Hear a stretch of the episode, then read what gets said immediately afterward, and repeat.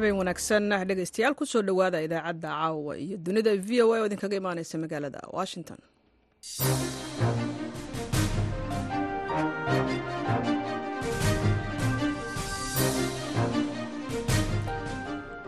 Waa habeen khamiis ah. Bisha febraayo ee sanadka waxaad naga dhegaysanaysaan mawjadaha gaagaaban ee lix iyo tobanka iyo sagaal iyo tobanka. Mitrban iyo bogga v o a somaly com idaacadda caawa iyo dunida waxaa idiin daadihinaya aniga oo ah cashe ibraahim aadan.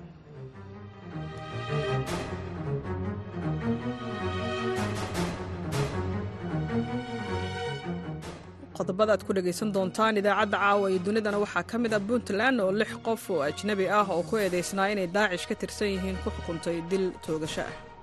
Waxay maxkamadda ciidamada qaranka ee darajada koowaad dulmada culus go'aan ka gaartay dacwad ciqaabeed loo haystay sagaal eedaysane oo lix ka mida ay yihiin dad ajaanib ah oo ka yimid dalka morocco.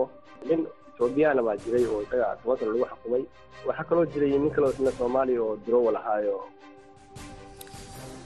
waxaa sidoo kale had dhegaysan doontaan barnaamijkii bandhigga v o a oo toddobaadkan ku saabsan afka iyo qoraalka soomaaliga hindisaha miisaanka maansadu halku ka yimi waxaa kolay loo tiriyaa in maxamed xaashi dhamac gaariye iyo cabdilaahi diiriya guuleed caraale ay ahaayeen hormoodkii iyo daafurka helitaanka habsugan oo lagu sargooyo miisaanka maansada guddi isxilqaame oo dib u eegid ku samaysay labada aqoon-yahan siday u kala soo hor bandhigeen waxay cod midaysan ku qoreen inuu maxamed xaashi dhamac gaariye uu gugii boqoliyo lixiyo toddobaatankii ku soo bandhigay miisaanka maansada xubintii dooda gaaban barnaamijkii wargeysyada iyo qodobo kale ayaad dhegaysan doontaan. Marka horese waxaad ku soo dhowaataan warka caalamka oon idin akhriyo.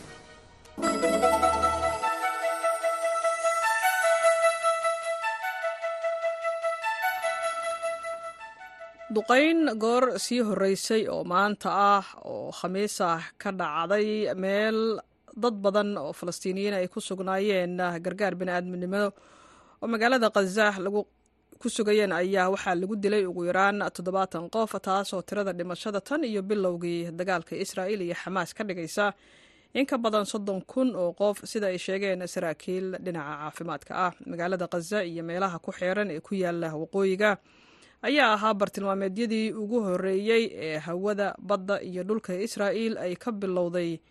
Ka jawaab celintii weerarkii xamaas ay toddobadii bishii oktoobar ku qaaday israa'iil. Deegaanka ayaa waxaa soo gaaray burbur xooggan waxaana inta badan uu ahaa mid go'doon ah intii ay dagaalada socdeen. Baabuur sida raashin ayaa gaaray waqooyiga khaza toddobaadkan waana gargaarkii ugu horreeyey ee muddo bil ah la gaarsiiyo aaggaasi sida ay sheegeen saraakiil maalintii arbacada.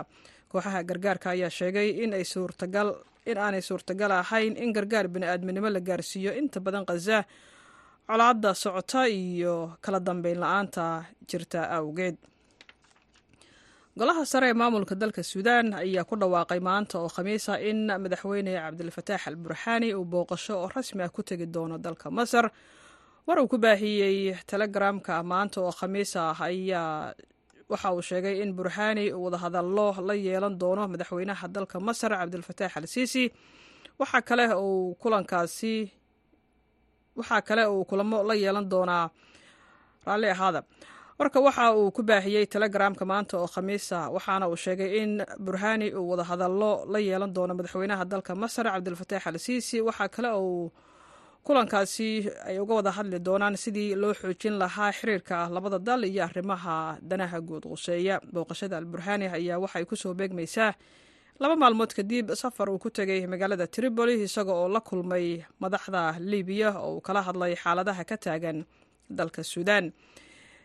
Maalintii isniintii la soo dhaafay ayaa madaxweynaha golaha qaramada suudaan genaraal burhaan ayaa waxa uu booqasho ku tegay dalka libiya isaga oo sheegay in uu hogaamiyaha dalka libiya maxamed al manfi ay ku heshiiyeen xoojinta xiriirka dhaqaale siyaasadeed iyo militari ee labada dal ciidamada nabad ilaalinta ee qaramada midoobay ayaa arbacadii shalay. Waxa ay ku wareejiyeen saldhigoodii ugu horreeyey ee militari ciidamada ammaanka ee bariga kongo taasoo qayb ka ah kabixitaankooda ugu dambeyntii tobannaan sano oo ay dalkaasi ka howlgalayeen. Wareejintaasi ayaa waxa ay ku soo beegantay iyada oo rabshado ay ka socdeen amaba ka dhaceen gobolka ay colaaduhu ragaadiyeen. Nabad ilaaliyaasha ayaa mas'uuliyadda iyo sidoo kale qalabkii ay ku lahaayeen saldhigga layidhaahdo kamanyola ee gobolka koonfurta kivu waxay ku wareejiyeen booliska congo taasoo qeyb ka ahayd heshiiskii dowladda iyo qaramada midoobey ay sannadkii hore gaareen bariga congo. Waxaa in muddo ahba ku fidayey kooxo hubaysan oo doonaya inay qeyb ka helaan dahabka iyo khayraadka kale ee uu qaniga ku yahay gobolka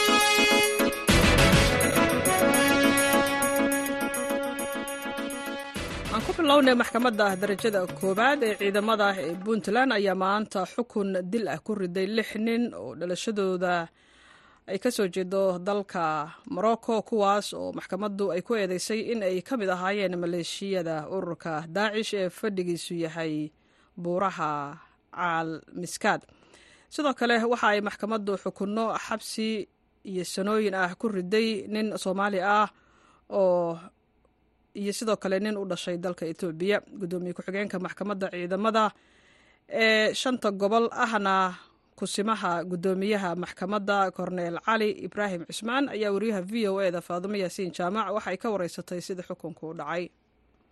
Maantay sagaal labaatankii bishii labaad laba kun iyo afar labaatan waxay maxkamadda ciidamada qaranka ee darajada koowaad ee duniya culus go'aan ka gaartay dacwad ciqaabeed loo haystay sagaal ereysane oo lix ka mida ay yihiin dad ajaanib ah oo ka yimid dalka morocco iyagoo intaasoo dal u soo maray inay waxawey maxay ahayd naftooda iyo nafta ummadda soomaaliyeed ba kuna biiraaniin ururka daacish islamarkaasna ay ugu tageen ururka daacish buulaha buuraha bari ee calmiskaad muddona la soo shaqeeyeen waxaana iyaga lagu xukumay dil toogasho ah. Waxaa kaloo jirtay dad iyagu nin ethoobiyaana baa jiray oo isaga tobantan lagu xukumay oo isna iyaga markaa la joogay oo ururka daacish markaas waxa maxay waxaa laga soo qabtay soone balliga aaga unuun baa laga soo qabtay. Waxaa kaloo jiray nin kaloo isna soomaaliya oo drowal ahaayo alaab ugu qaaday. Alaabtaas iskugu jirtay waxyaalo badan oo ciidamada ammaanku inay kantaroolka boos isku qabteen. Isaga waxaa lagu xukumay toban sano oo xabsiya waxaana dib xorriyadiisa u helay nin la yidhaahdo ayub oo drool kilismow ka ahaa gaarigaas. Ali uu bilowday dhegeysiga garmaqalka koowaad wuxuuna soo gabo gaboobay maanta oo ay taariikhu ahayd sagaal labaatankii bisha labaad laba kun iyo afar labaatan ma noo sheegi kardhaa magacyada dadka xukunka ku dhacay dilka iyo sanooyinka? Ha waa ku sheegi karaa. Dadka ajaanibta baan kaaga bilaabaya ee marookiyaanka. Ah ninka koowaad marookiyaanka waxaa la yidhaahdaa xasan maxamed xuseen. Hooyadiis waxaa la yidhaahdaa faanimo bintu idris baa la yidhahdaa iyo labaatan sano jir ah ku dhashay morocco. Dalal badan u soo maray inuu soomaaliya yimaado. Kan labaad waxaa la yidhaahdaa axmed nadwi xafidu. Magaca hooyadiis waxaa la yidhahdaa salxa xudayfi kan saddexaad waxaa la yidhahdaa khaalid ladra ibnu mawlid. Magaca hooyadiisna waxaa la yidhahdaa ina xasniya bintu khamaar. Ninka afraad waxaa la yidhaahdaa maxamed ibnu maxamed axmed. Ina faanimo idris. Ninka shanaad oo marookiyaanka ah waxaa la yidhaahdaa ridwan bareekh bin xuseen ina faanimo bintu maxamed ninka lixaad oo ugu dambeeya lixda nin ee marookiyaanka ah waxaa la yidhahdaa cabdiqaadir alcusmaani ibnu axmed ina faanimo bin saciid nin kaleo waxaa jira ethoobiyan oo isaga waxa la yidhahdaa axmed xuseen ibrahim ina faanimo cadow. Ninkaas oo ethoobiyan ah waxaa jira laba nin oo soomaaliya oo midna xorriyadiisa helay midna toban sano lagu xukumay. Kan tobanka sano lagu xukumay waxaa la yidhahdaa cabdiqaadir jaamac maxamed saama yaraa lagu naanaysaa ina caasho shire yuusuf baa la yidhahdaa. Waa drowel gaari waday. Gaarigaas oo daacish wuxuu waday alaabo kala duwan oo iskugu jira agab iyo waxyaalaha kimika ah oo laga sameeyo qaraxyada iyo waxyaalaha lamidka iyo kabaha iyo jaamaha kabaha la saaray waxyaalaha lamidka oo loogu talagalay dhulka buuraleyda waxaa kaloo dib xorriyadiisa u helay oo maxkamaddu sii daysay maadaama uu laawe noqday oo dembi lagu waayey nin la yidhaahdo ayub jimcaale maxamed. Marka inahaas weye guddoomiye dadkan maantay xukunada dilka ah iyo sanooyinka ah ku rideen qareeno mala ahaayeen eheladoodu ma joogeen. Ha dadka ajaanibta waxay lahaayeen qareen waxay kaloo lahaayeen turjumaan oo markaa luqadda u turjumayey eheladoodana maxkamadduna way la xiriirtay qareenkoodana wuu la xiriirayay oo eheladooda waa lala hadalsiiyey maxkamadda horteeda lagula hadalsiiyey wixii xukunkii soo baxaana eheladooda waa loo sheegay. Waxayna sheegeen inay racfaan ka qaateen. Oo xukunka aysan ku qanacsaneyn ku dhacay. Ha iyagoo dagaalamaya miyaa la qabtay dadkan iyagoo dagaalamaya horta lama qaban. Ismana soo dhiibin. Ciidamada dowladda puntland baa soo qabtay. Soone baladidin baana laga soo qabtay markaas de iyagoo dagaalamaya lama qaban balse waxa way maxay ahayday niman markii xeryihii jooga oo aagii dagaaladii ka socdeen jooga bay ahaayeen. Mana ahayn niman isoo dhiibay marka racfaanka maxkamaddu ma siisay. Racfaanku process buu ku jiraa wakti buu qaataa. Muddo waxay leeyihiin bil soddon cisho gudahooday leeyihiin. Intaasay ku qaadan karaan racfaan. Iyagu qiraal ma ku ahaayeen? Dembiga aad ku eedeyseen dhammaantood qiraal bay ku ahaayeen. Marka laga reebo ninka soomaaliga oo yidhi isagoo anigu alaabtan lay saaray nin baa ay saaray. Wuxuu igu yidhi shirkad baa lahayd maanan ogeyn.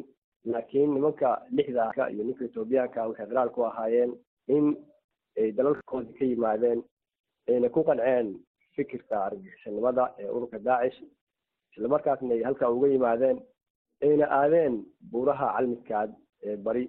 Halkaasna ay ururkii ugu tageen oo talisyadii ugu tageen oo ay tababar ku galeen oo ay muddo joogeen oo ay la noolaayeen lana shaqayn jireen haddana ka tirsanaayeen ilaa imise sano ayay joogeen buuraha calmiska ugu yaraan laba sano way joogeen buuraha bari ee calmiskaad guddoomiye ku-xigeenka maxkamadda ciidamada ee shanta gobol ahna kusimaha guddoomiyaha maxkamadda korneyl cali ibraahim cusmaan waxa uu warramayay wariyaha v o eda faadimo yaasiin jaamac sidaad idaacaddeenii saakay ku maqlayseen madaxweynaha puntland siciid cabdulaahi deni ayaa xalay waxa uu soo magacaabay golihiisa wasiirada ee laga sugaya tan iyo markii dib loo soo doortay horaantii bisha janawari ee sanadkan.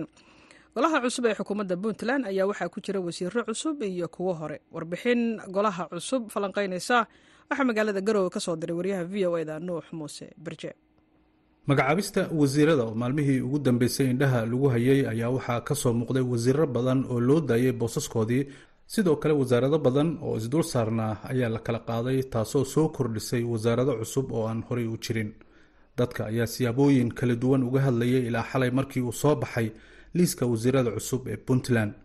Faysal axmed warsame oo falanqeeya arrimaha siyaasadda puntland iyo soomaaliya ayaa v o a uga waramay wasiirada cusub waxaa iga baxay horta marka koowaad inuu ku jiraan dad mucaarad ahaa oo weliba dad la tartamay madaxweynaha oo tartan galay iyo runtii dad kaloo mucaarad oo axsaabta kale ah oo kala duwanaa. Taas waxaa ka muuqata in ay xoogaa u muuqato in dad siyaasadaha dowladda awalka soo horjeeda ama ay dhinac kale aragti ahaayeen ay ku jiraan.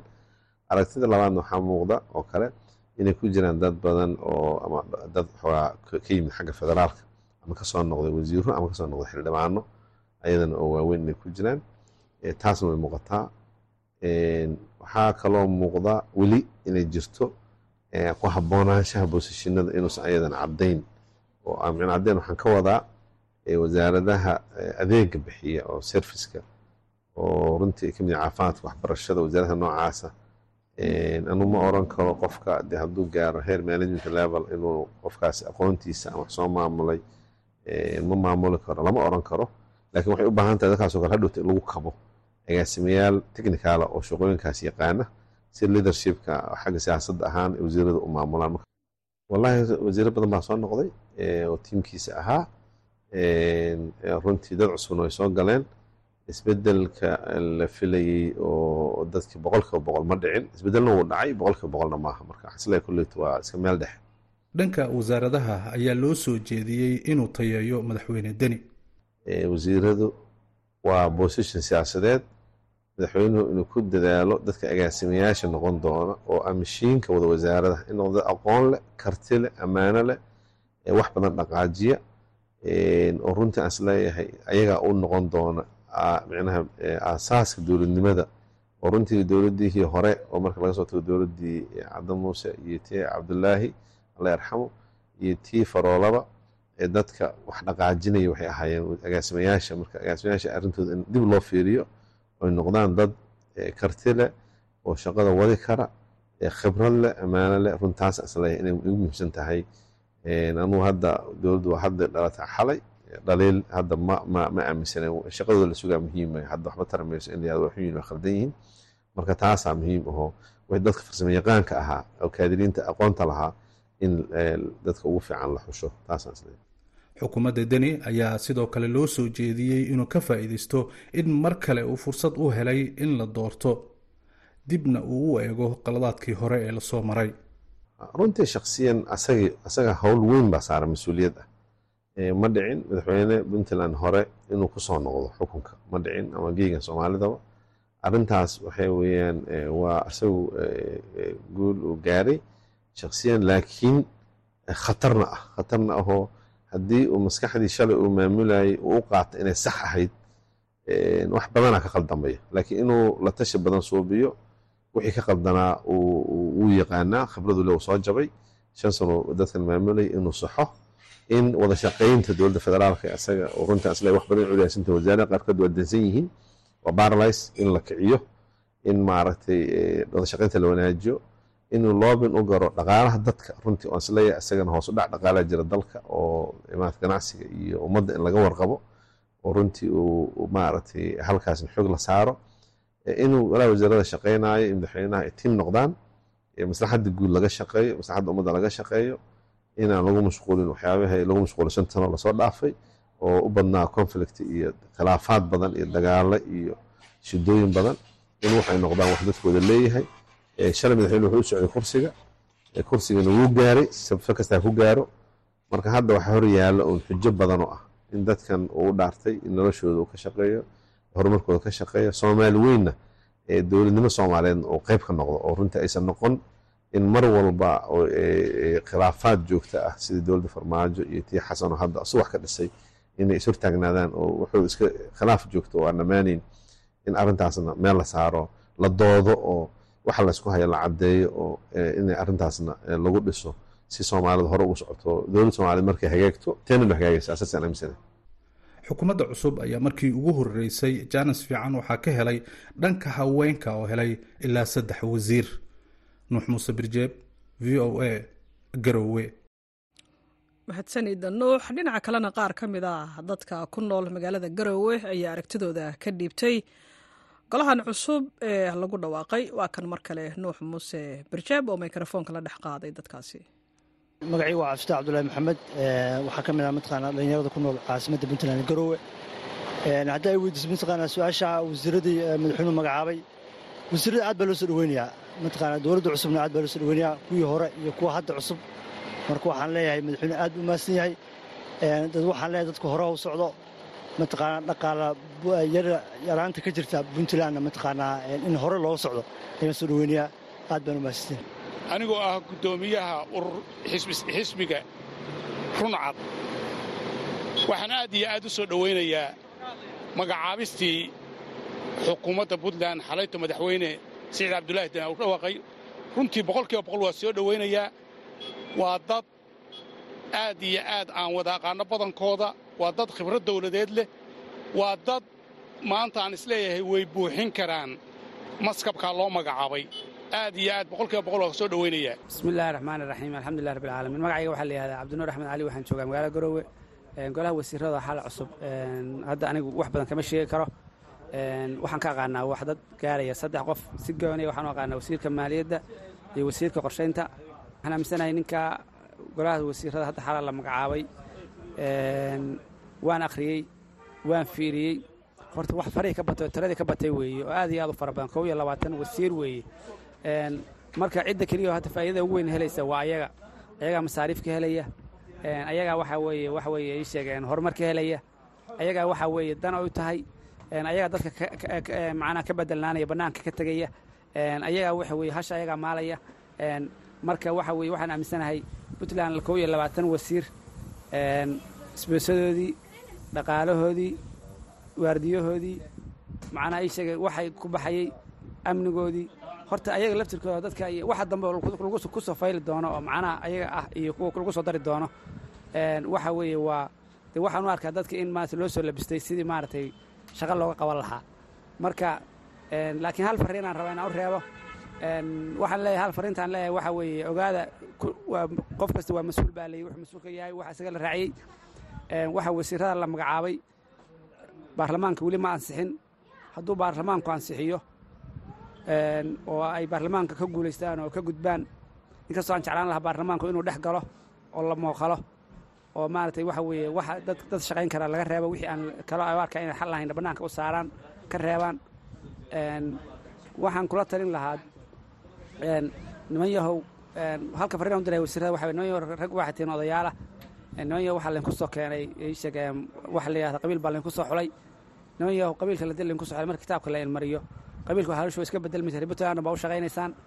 Niman yahow ilaahay ka baqa subxaana wa tacaala dadkaana u shaqeeya dowladnimada soomaaliyana ka shaqeeya. Bismi illahi raxmaan raxiim abwaan xuseen maxamed ibraahim loona yaqaan casaan.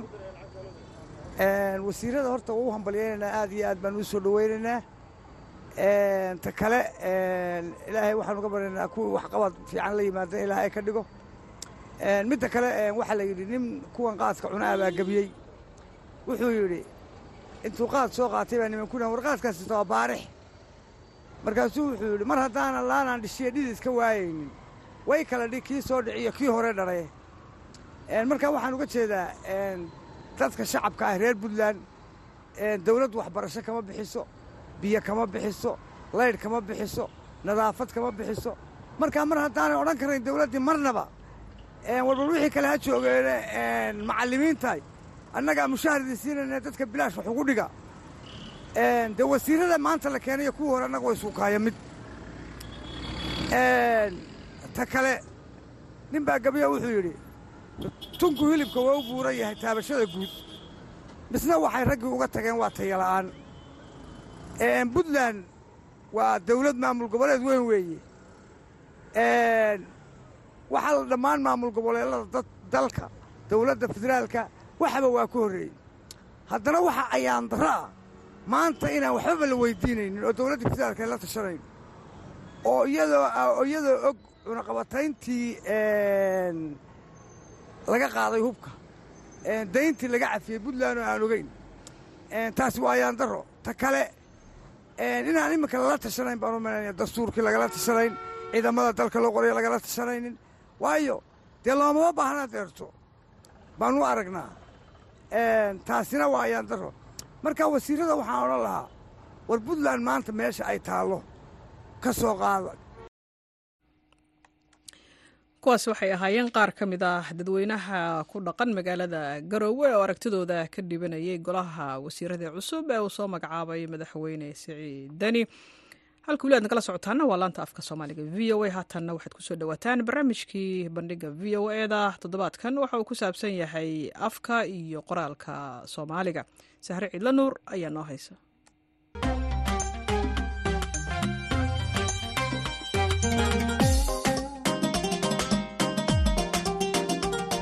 wacanoo wanaagsan dhegaystayaal kuna soo dhowaada barnaamijka bandhigga v o a oo toddobaadkan aanu ku soo bandhigi doono adeeg casri ah oo iyadoo la adeegsanayo farsamada tiknolojiga ama kombyuutarka hal abuurka abwaanada iyo suugaanleyda soomaaliyeed ay ku hubin karaan miisaanka maansada badaha maansada soomaalida iyo xarafraaca amaba higaada qoraalka soomaaliga.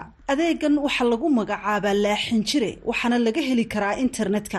Sanad kasta bisha februari waxaa dunida laga xusaa muhiimadda afafka kala duwan ee ay ku hadlaan dadyowga caalamku waxaanay qaramada midoobay u astaysay maalinta afka in sanad kasta la xuso koob iyo labaatanka bisha februari afka soomaaliga oo lagu tilmaamo mid ka mida afafka ugu qanisan ayaa haddana marar badan lagu soo daraa kuwa loo baqayo inay dabar go'aan maadaama oo si joogto ah aan kaabis loogu samayn si uu ula jaan qaado farsamooyinka casriga ah iyo tiknolojiyadda sii tis qaadaysa allaha u naxariistee qoraagii soomaaliyeed cabdiraxmaan cabdilaahi faarax guri barwaaqo. Ayaa marar badan isku xil saaray bugaag uu ka qoray ereybixinta kelmadaha ku cusub tiknolojiyadda iyo qalabka dijitalka iyo aqoonta casriga ah ee dunida. Sidoo kale cabdiraxmaan guri barwaaqo wuxuu diyaariyey barnaamij adeeg ah oo qof kasta oo soomaaliya oo doonaya inuu qoro maanso ama maanse uu tiriyey raba inuu hubiyo saxahaanshaheeda oo uu ka heli karo kombyuutarkiisa amaba moobaylkiisa gacanta. Ayaa sameeyey adeegan laaxin jire balse cabdiraxmaan guri barwaaqo isaga oo maraya qaybihii ugu dambeeyey ee dhammaystirka barnaamijkaasi. V o edana kula ballamay inuu siiyo waraysi uu ku sharaxayo adeega ayuu geeriyooday bishii abril ee sannadkii tegay labadii kun iyo saddex iyo labaatankii. Waxaase halkii ka sii anba qaaday qaar ka mida asxaabtiisii ugu dhowaa wax badanna kala socday barnaamijka laaxin jire barnaamijkan bandhiga v o a ayaanay marti noogu yihiin toddobaadkan. Aan ku hormaro aqoon-yahan xuseen yuusuf liibaan oo sharaxaya sida uu ku dhashay fikirka laaxinjire iyo qaybaha uu ka kooban yahay. Aragtida saamaynta barnaamijka laaxinjire waxay marxuumka cabdiraxmaan ku dhalatay gugii laba kun iyo lix. Marka waxaan ku guda jiray akhriska buug xisaab ah oo la yidhaahdo elementary number theory and its applications. Oo ka hadla habka loo kuudgareeyo fariimaha ee la yidhaha cyfring oo ah sida fariinta qoraalka ah loogu qori karo si sir ahaaneed. Ayna isla markaa garan karaan oo keliya diraha iyo loo diraha fariinta marka waxaa khasab ah in la ogaado dhismaha afka asal ahaan. Kelmaduhu siday u soo nonoqdaan ereyadu iyo waxyaalo kale oo afku dhismihiisu siito kadib marxuumka ayaan la wadaagay arrintaa iyo warar badan oo ku qornaa buugga. Marka ayuu marxuumku aniga iweydiiyey in la samayn karo application sheegi karaa in laaxin ku jiro maaso iyo in kale. Waxaan ugu jawaabay haddii xeer ay maasadu raacdo rules uu jiro waa la dhisi karaa application barnaamij. Marka ayuu ii macneeyey xeerarka ama miisaanka maasada. Sidaa ayaan ku qornay applicationkii u horreeyey ee laaxin jiray. Dhowr sano kadib ayaanu barnaamijkii ka dhignay web application. Labada kun iyo saddex iyo labaatanka horraantiisii ayaanu samaynay kan ugu dambeeyey ee marxuumku soo bandhigay. Marka xuseenow laaxin jire ma miisaankii iyo dheelitirkii maansada uunbuu dadka ka caawinayaa inuu u saxo mise xataa qoraalkaad geliso higaadiisa iyo khaladaadka soo geli kara hab qoraalkaasi wuu ka caawin karayaa qofka adeegsanaya sidaan hore xusay waxaanu samaynay mareeg laga heli karo oo aanu ugu magac darnay institution uu sameeyey marxuumku waxa mareegtaasi ay tahay www hayan institute com. Halkaa waxaa ku jira laba barnaamij oo kale ah. Kow laaxin jire laaxin jiro waxa uu hubinayaa in laaxin ama delaqaaf ku jiro maasada barnaamijka labaad waxaan ugu magac darnay asoore. Wuxuu isagu shaandhaynayaa qormada ama maasada la tiriyey. Marka wuxuu sheegi karayaa inta ereey uu ka kooban yahay maasadu amase inta xaraf iyo waxyaalo kaleo la hadmaada waxa kale oo garab socda barnaamij kale oo dhammaad ku dhow lana yidhaa higaad jiri waa spelling corrector applicationkaasi wuxuu sixi doonaa sida loo qoray ereyga. Maanta waxay inoo muuqataa in dadkii ninba siduu u dhawaaqayo uu qorayo ereyga. Runtiina qofka uu qoraya ma qaldana mar haddaanay jirin meel u toosisa ereyga qoraalkiisa ama aanu baran qoraalka afka. Waxay la tahay aniga in si mug leh barnaamijka higaajiriye wax weyn ka tari doono afkeena hooyo gaar ahaan hab qoraalkiisa. Adeega laaxin jire meelaha ugu badan ee uu soomaalida ka caawin karo waxaa ka mid a miisaanka maansada. Fu-aad sheekh abubakar ismaaciil oo ka mida khuburada barnaamijkan ka shaqaynaysay islamarkaana muddo dheer cilmi baadhis ku samaynayay miisaanka maansada soomaalida ayaan weydiiyey. Halka uu ka yimid sargoynta miisaanka maansada iyo haddii uu jiro dhinac la isku raacsan yahay. Bilowga hindisaha miisaanka maansadu halku ka yimi waxaa kolay loo tiriyaa in maxamed xaashi dhamac gaariye iyo cabdilaahi diiriya guuleed caraale ay ahaayeen hormoodkii iyo daafurka helitaanka habsugan oo lagu sargooyo miisaanka maansada guddi isxilqaamay oo dib u eegid ku samaysay labada aqoon-yahan siday u kala soo horbandhigeen. Waxay cod midaysan ku qoreen inuu maxamed xaashi dhamac gaariye uu gugii kun iyo sagaal boqoliyo lix iyo toddobaatankii ku soo bandhigay miisaanka maansada qoraalo muddo dheer taxane ahaa si kastaba ahaatee labada aqoon-yahan waxay soo gudbiyeen aqoon ay laba dhinac ama laba habraac oo kala duwan ka istaageen sida loo sargoynayo miisaanka maansada waxaana ii suurto gashay inaan labada aqoon-yahanba ka waraysto hababka kala duwan ee ay soo bandhigeen mudane cabdiraxmaan cabdilaahi faarax inaguli barwaaqo wuxuu qaatay aragtida gaariye kuna hirgeliyey in iyadoo la adeegsanayo barnaamij uu sumadiisa ka dhigay laaxin jire hirgelinta iyo horumarinta aragtida miisaanka maansada ee gaariye ayaa keentay inuu soo baxo barnaamijkan laaxin jire waa gartay fu-aad marka sidee loogu kalsoonaan karaa adeegan laaxin jire ee qalabka tiknolojiyadda loo adeegsanayo si loo saxo maansooyinka iyo qoraalada afka amaba farta soomaaliga ku qoran kalsoonida lagu qabi karo barnaamijkan waxay ku sar go-an tahay in intii ay hawshiisa iyo hirgelintii socotay uu mudane cabdiraxmaan guri barwaaqo sameeyey tijaabooyin badan oo uu ku tijaabiyey maansooyin badan oo ku dhisan badaha kala duwan ee maansada markaa tijaabada badan ee la sameeyey waxay kordhinaysaa kalsoonida qof kasta oo adeegsada barnaamijka laaxinjira uu ka qabi karo. Taasina waxay suurtogelisay in dad badan oo kale ay sii tijaabiyaan ilaa iminkana lama sheegin maanso aanu barnaamijku barnaamijkaasi hufi karin. Waana guul u soo hoyatay dadka ku hadla af soomaaliga ee ka kooban soomaalida iyo ajnabiga ku helan in si cilmiyeysan ay u bartaan af soomaaliga. Waxaana abaal loogu hayaa mudane cabdiraxmaan cabdilaahi faarax guri barwaaqo oo iskii isku xilqaamay inuu ummadda u fududeeyo hirgeliyana barnaamijka laaxin jire. Haddaba adeegan laaxin jire sidee ayay u isticmaali karaan? Qorayaasha iyo suugaanleyda soomaalidu waxaa su'aashaasi ka jawaabaya qoraaga soomaaliyeed maxamed xirsi guuleed oo ku magac dheer cabdibashiir oo xog badanna inaga siinaya qaabka adeegsiga laaxin jire. Barnaamijka laaxin jire haddii aad rabto inaad adeegsato oo aad ku hubiso ama ku tijaabiso maanso aada curisay amaba cid kale curisay marka hore gal degalka internetka ee hayaan institute dot com oo uu leeyahay maxadka hayaan ee gacanta ku haya barnaamijka laaxin jire.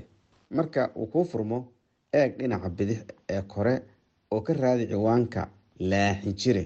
Marka aada hesho guji marka bogga kuu soo baxa fiiri dhinaciisa bidix.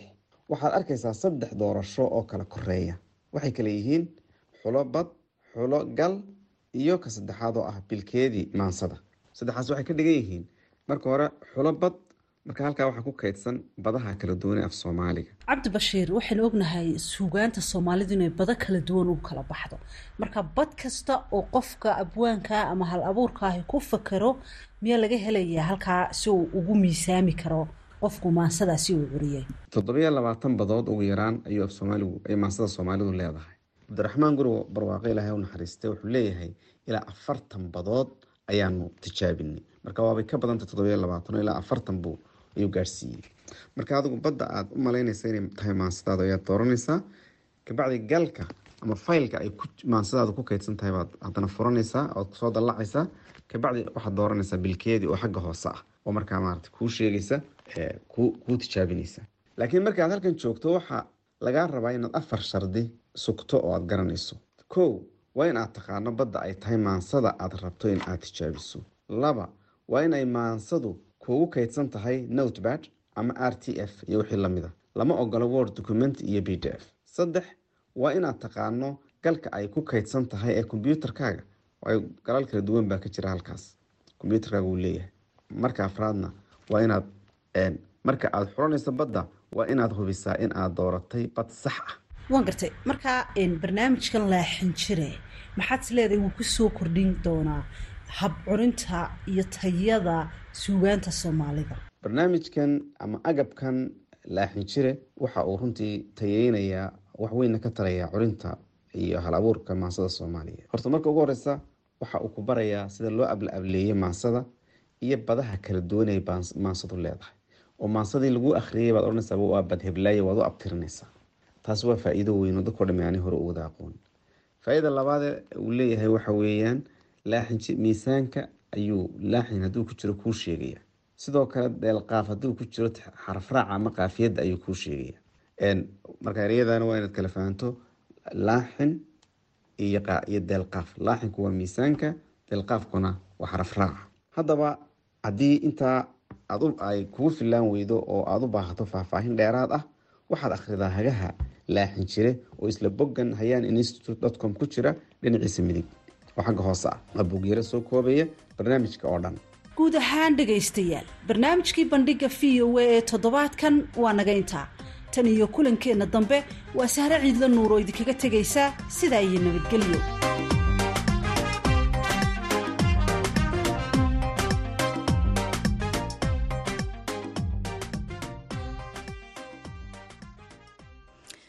sahre ciidla nuur ayaa nala socodsiinaysay barnaamijka bandhiga v o a. Halkaad kala socoteenna waa laanta afka soomaaliga ee v o a oo si toosa. Idinkaga imaaneysa magaalada washington. Haatanna waa xubintii dooda gaaban.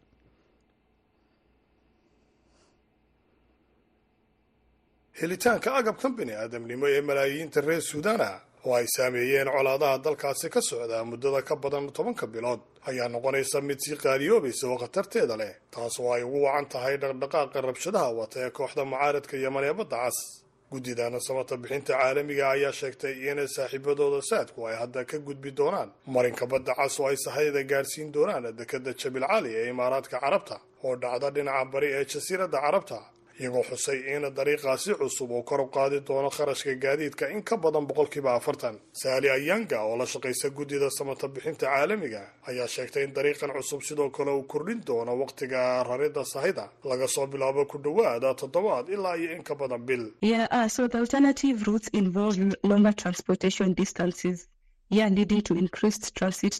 waxay tidhi waddooyinka kale waxa ay maraan masaafo dheer oo gaadiida taasoo horseedaysa korarka wakhtiyada gaadiidka iyo dibudhac ku yimaada gaadhsiinta gargaarka muhiimka ah kuwa u baahan taasoo ka dhigaysa howlgalka mid aad u adag oo sida oo kale qaali ku ah dadka u baahan. Ma awoodno inaan ku helno wakhtigii loogu talagalay daawooyinka ay isticmaalayaan kooxayaga caafimaadku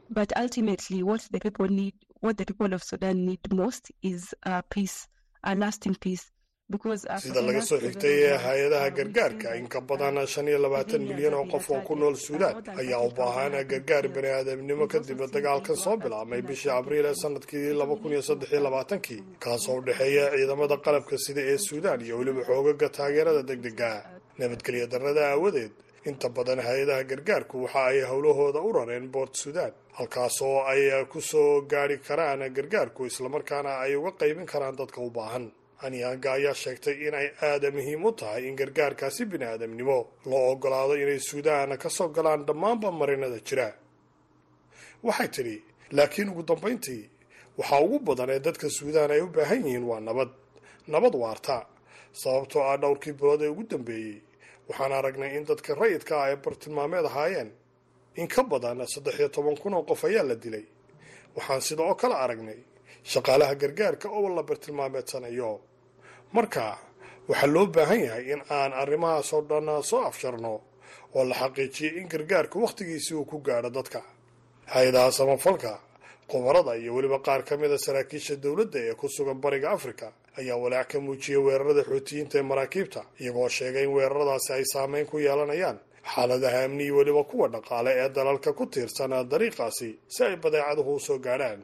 Ciidamada maraykanka iyo weliba kuwa britain ayaa bartilmaameedsada xarumaha xuutiyiinta si ay uga hortagaan weerarada balse kooxda ayaa sii wada duqaynta ay ku hayaan maraakiibta taasoo caqabada ku ah isu socodka xorta ah ee badeecadaha iyo weliba adeegyada edgar kutua oo bara ka ah jaamacadda united states international university africa. Kuna takhasusay xidhiirka caalamiga ah nabadda iyo weliba colaadaha. Ayaa v o a u sheegay in loo baahan yahay dadaal caalami ah oo lagu joojinayo weerarada xuutiyiinta ka hor inta aanay xaaladu ka sii xumaanin wadamo badan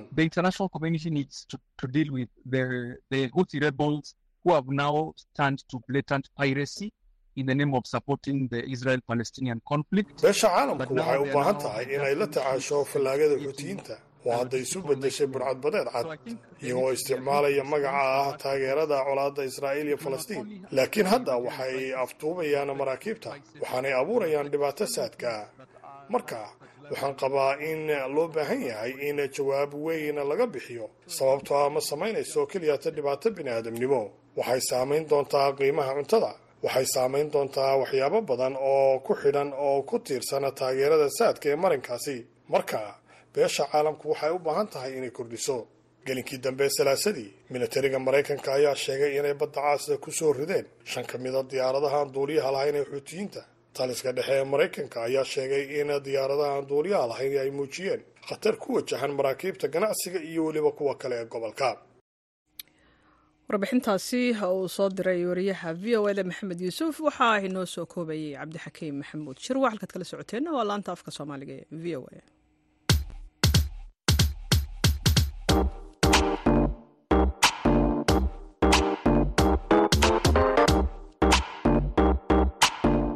idaacadda v o a waxaad si toos uga dhegaysan kartaa efemyada magaalooyinka geeska afrika. Haddii aad joogto magaalada muqdisho waxaad v o a ka dhegaysan kartaa v o e da f m teda sagaaliyo sagaashan dhibic sagaal iyo raadiyo muqdisho f m teda sagaashan dhibic eber eber. Redio kulmiye f m-ta sideed sideed redio resala hal eber labo dhibic labo hargeysa sideed sideed dhibic eber v o a. Haddii aad kismaayo joogto v o e da waxaad ka dhegaysan kartaa raadiyo sooyaal f m sideed sideed dhibic eber.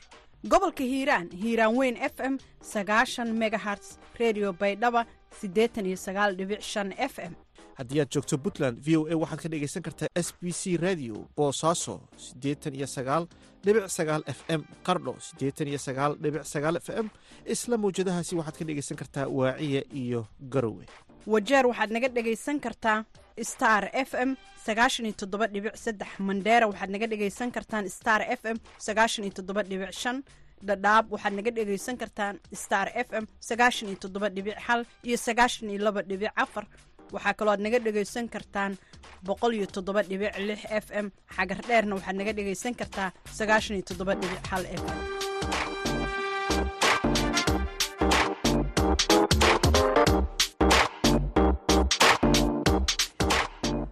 Caweysi wanaagsan ayaan mar kale hawada idinka leenahay. Meel kastoo aad naga maqlaysaan guddiga doorashada ee dalka jaad ayaa si lama filaan ah ugu dhawaaqay talaadadii in doorashada madaxtinimo ee soo afjaraysa saddexda sano ee xukunka militari ee dalkaasi ku yaalla bartamaha afrika ay dhici doonto lixda bisha meey ee soo socota taasoo ah dhowr bilood ka hor xilligii loo qorsheeyey.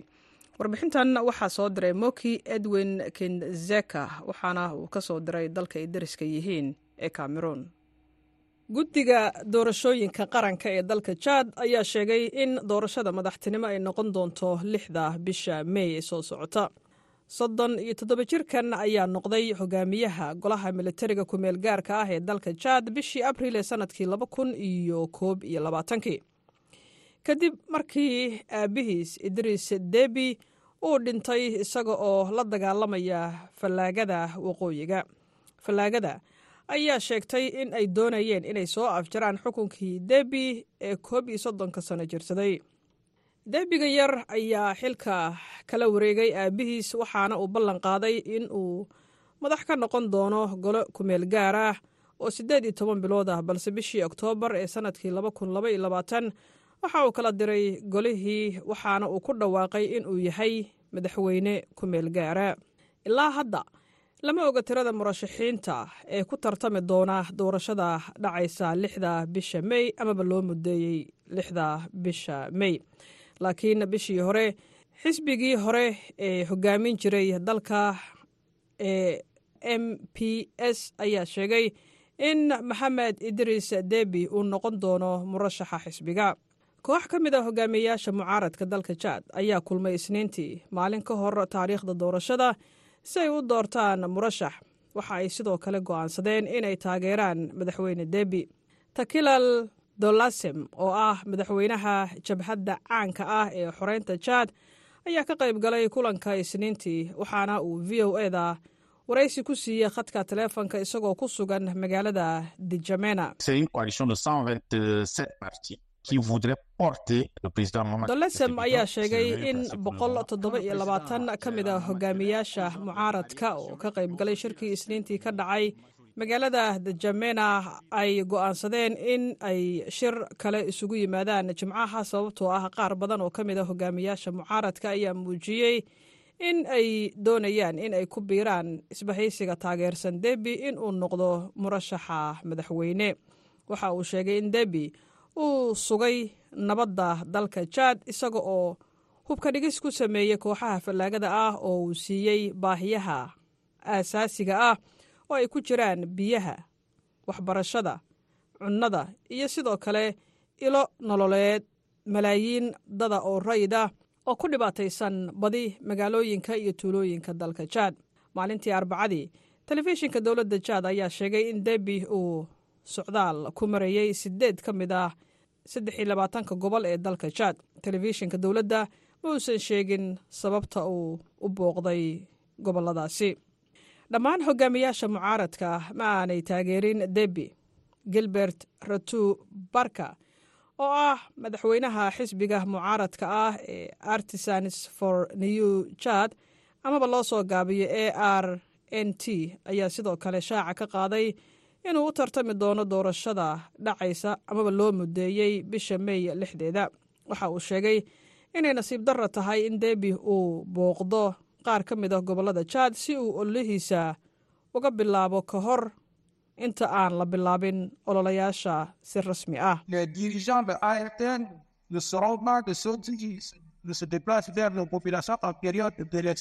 waxa uu sheegay in a r n t uu doonayo debi in uu ixtiraamo jadwalka doorashada oo uu joojiyo ololaha sharci darrada ah ee uu doonayo in uu bilaabo.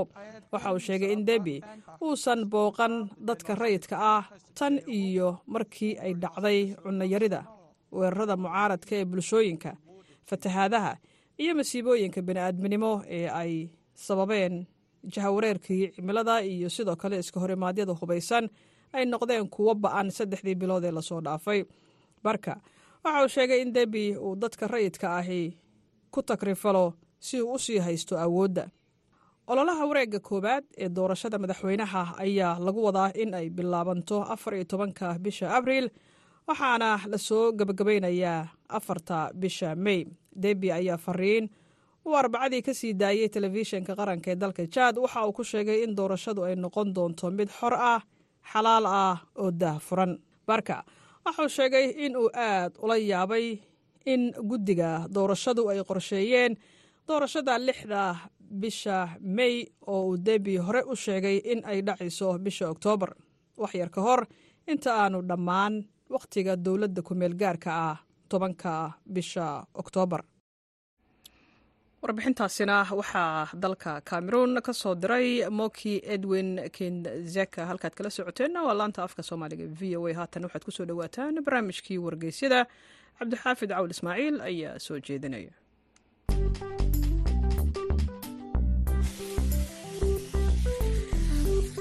kulanti wanaagsan idilkiinba khiyaartan oo dhegaysanaysaa meel kasta oo aad caalamka ku sugan tihiinba kuna soo dhowaada barnaamijkeennii wargeysyada waxyaabaha ay qoreen haddii ilaahay raalli ka noqdana waxaa idinla socodsiinaya cabdixakiim maxamuud shirwac oo jooga washington iyo aniga oo ah cabdixaafid cawil ismaaciil oo jooga london. Aynu ku bilowna cabdixakiim oo wargeyska ka soo baxa dalka britain ee the guardian warbixin uu daabaca ciwaankeedu waxa uu ahaa afar nin oo u eedaysan loona maxkamadaynayo weerarkii argagixisada ahaa ee sannadkii labada kun iyo sideed iyo tobankii ka dhacay magaalada starsberg oo ku taala dalka faransiiska oo bilaabmay cabdixaafidow sida wargeysku daabacay weerarkan ayaa dabley hubaysan ee ay ku dileen shan qof halka ay koob iyo toban kalena ku dhaawaceen. Nin magaciisa la ohan jiray shariif shakacat oo sagaal iyo labaatan jir ahaa ayaa hore in badan u galay xabsiyo loogu xidhay xatooye iyo weliba dembiye kala duwan. Waxaana uu ku jiray liiska dadka ay dowladdu isha ku hayso ee looga shakisan yahay xag jirnimo ninkan ayaa koob iyo tobankii disembar ee sanadkaasi rasaas ku furay. Dad ku sugnaa bartamaha magaalada. Kadibna dada meesha maraya ku weeraray qori iyo weliba torri iyadoo intaasi kadibna uu tagsi raacay ee markii dambena toogasho lagu dilay cabdixakiin oo sida wargeysku daabacay afar nin oo faransiis ah oo laba ka mid ahi ay yihiin walaalo oo afar iyo soddon jir iyo saddex iyo afartan jir kale ah ayaa lagu maxkamadaynayaa magaalada baaqi. Labada nin ee walaalaha ah oo iibin jiray baabuurta hore loo isticmaalay iyo nin makaanig ah ayaa ku eedaysan in ay gacan ka geysteen soo iibinta qoriga ninku isticmaalay ee dadka lagu laayay qaarna lagu dhaawacay. Mid ka mid ah afartan nin ee la maxkamadaynayo oo saddex iyo afartan jir ah oo ah ninka dilka geystay ayaa xabsiga ay isku qol ku jireen waxaana lagu eedeeyey argagixiso maxkamadda ayaa cabdixakiim ow sida wargeysku daabacay lagu dhagaysan doonaa markhaatiga dadkii ka badbaaday toogashadan iyo qoysaskii dadkii ku dhintay cabdixaafid oo wargeyska ka soo baxa dalka britain ee the independent ayaa warbixin u daabacay ciwaankeedu ahaa xisbiga talada dalka britain ayaa ee conservative party oo shaqada ka hakiyey. Xubin ka mida sharci dejiyayaashooda kadib markii uu sheegay hadal ahaa in duqa magaalada london sadiiqan ay maamulaan kooxo uu ku sheegay islaamiyiin. Arrintan ayay jaaliyadda muslimiinta dalka britain aada uga biyo diideen sida wargeysku daabacay iyagoo sheegay in hadallada noocan ah ay kor u qaadi karaan nacaybka dadka muslimiinta ah ee ku nool dalkaasi britain cabdixakiin oo sida wargeysku daabacay mas'uulkan oo magaciisa la yidhaahda lee anderson ayaa toddobaadkan shaqada laga joojiyey kadib markii uu sheegay in sadiiqan duqa magaalada london ay maamulaan kooxo islaamiyiin ahi sadiiq khan oo ah mas'uulkii ugu horeeyey ee muslim ah ee xilkaasi qabta kana tirsan xisbiga mucaaradka ee shaqaalaha ayaa marar badan kala kulmay eedeymo xubnaha xisbiga talada haya gaar ahaan ilaaleynta qaabka ay booliisku london u eegaan iyo qaabkii uu u maamulo dibadbaxyada joogtada ah ee ka dhanka ah dagaalka qasa laguna taageero qadiyada falastiin cabdixaafidow sida wargeysku daabacay arbacadii toddobaadkii hore dibadbax ballaadhan ayaa ku qabsoomay barxadda ka soo horjeeda aqalka baarlamaanka dalka britain oo markaasi ay ka socotay dood la xidhiidha in dowladdu ay ku baaqdo xabad joojin dagaalka qasaa iyo qaabka dhammaadka dooda loo qorayo afhayeenka aqalka hoose baarlamaanka ayaa sheegay inuu jabay habraacii caadiga ah ee baarlamaanka ee codaynta sababo la xidhiidha hanjabaad ay hore ee xildhibaanada qaar u heleen taasoo la xidhiidha aragtidooda ku aadan khilaafka cabdixakiin oo sida wargeysku daabacay ninkan lee anderson oo ah xildhibaanka shaqada laga joojiyey ayaa sheegay in aanu aaminsanayn in waddanka britain ay maamulaan kooxo islaamiyiin ahi laakiin buu yidhi uu aaminsan yahay in kooxdaasi ay gacanta ku hayaan duqa magaalada london iyo magaaladaba. Intaasi ayaynu dhegaystayaal ku soo gabagabaynaynaa barnaamijkeenii waxyaabaha ay wargeysyadu daabaceen cabdixakiim maxamuud shirwac oo jooga washington iyo aniga oo ah cabdixaafid cawil ismaaciil oo jooga london ayaana idinla socodsiinayay. Tan iyo inta aynu mar kale kulmayno haddii ilaahay raalli ka noqdo cabdixakiim iyo aniguba waxa aanu idin leenahay sidaas iyo nabadgelyo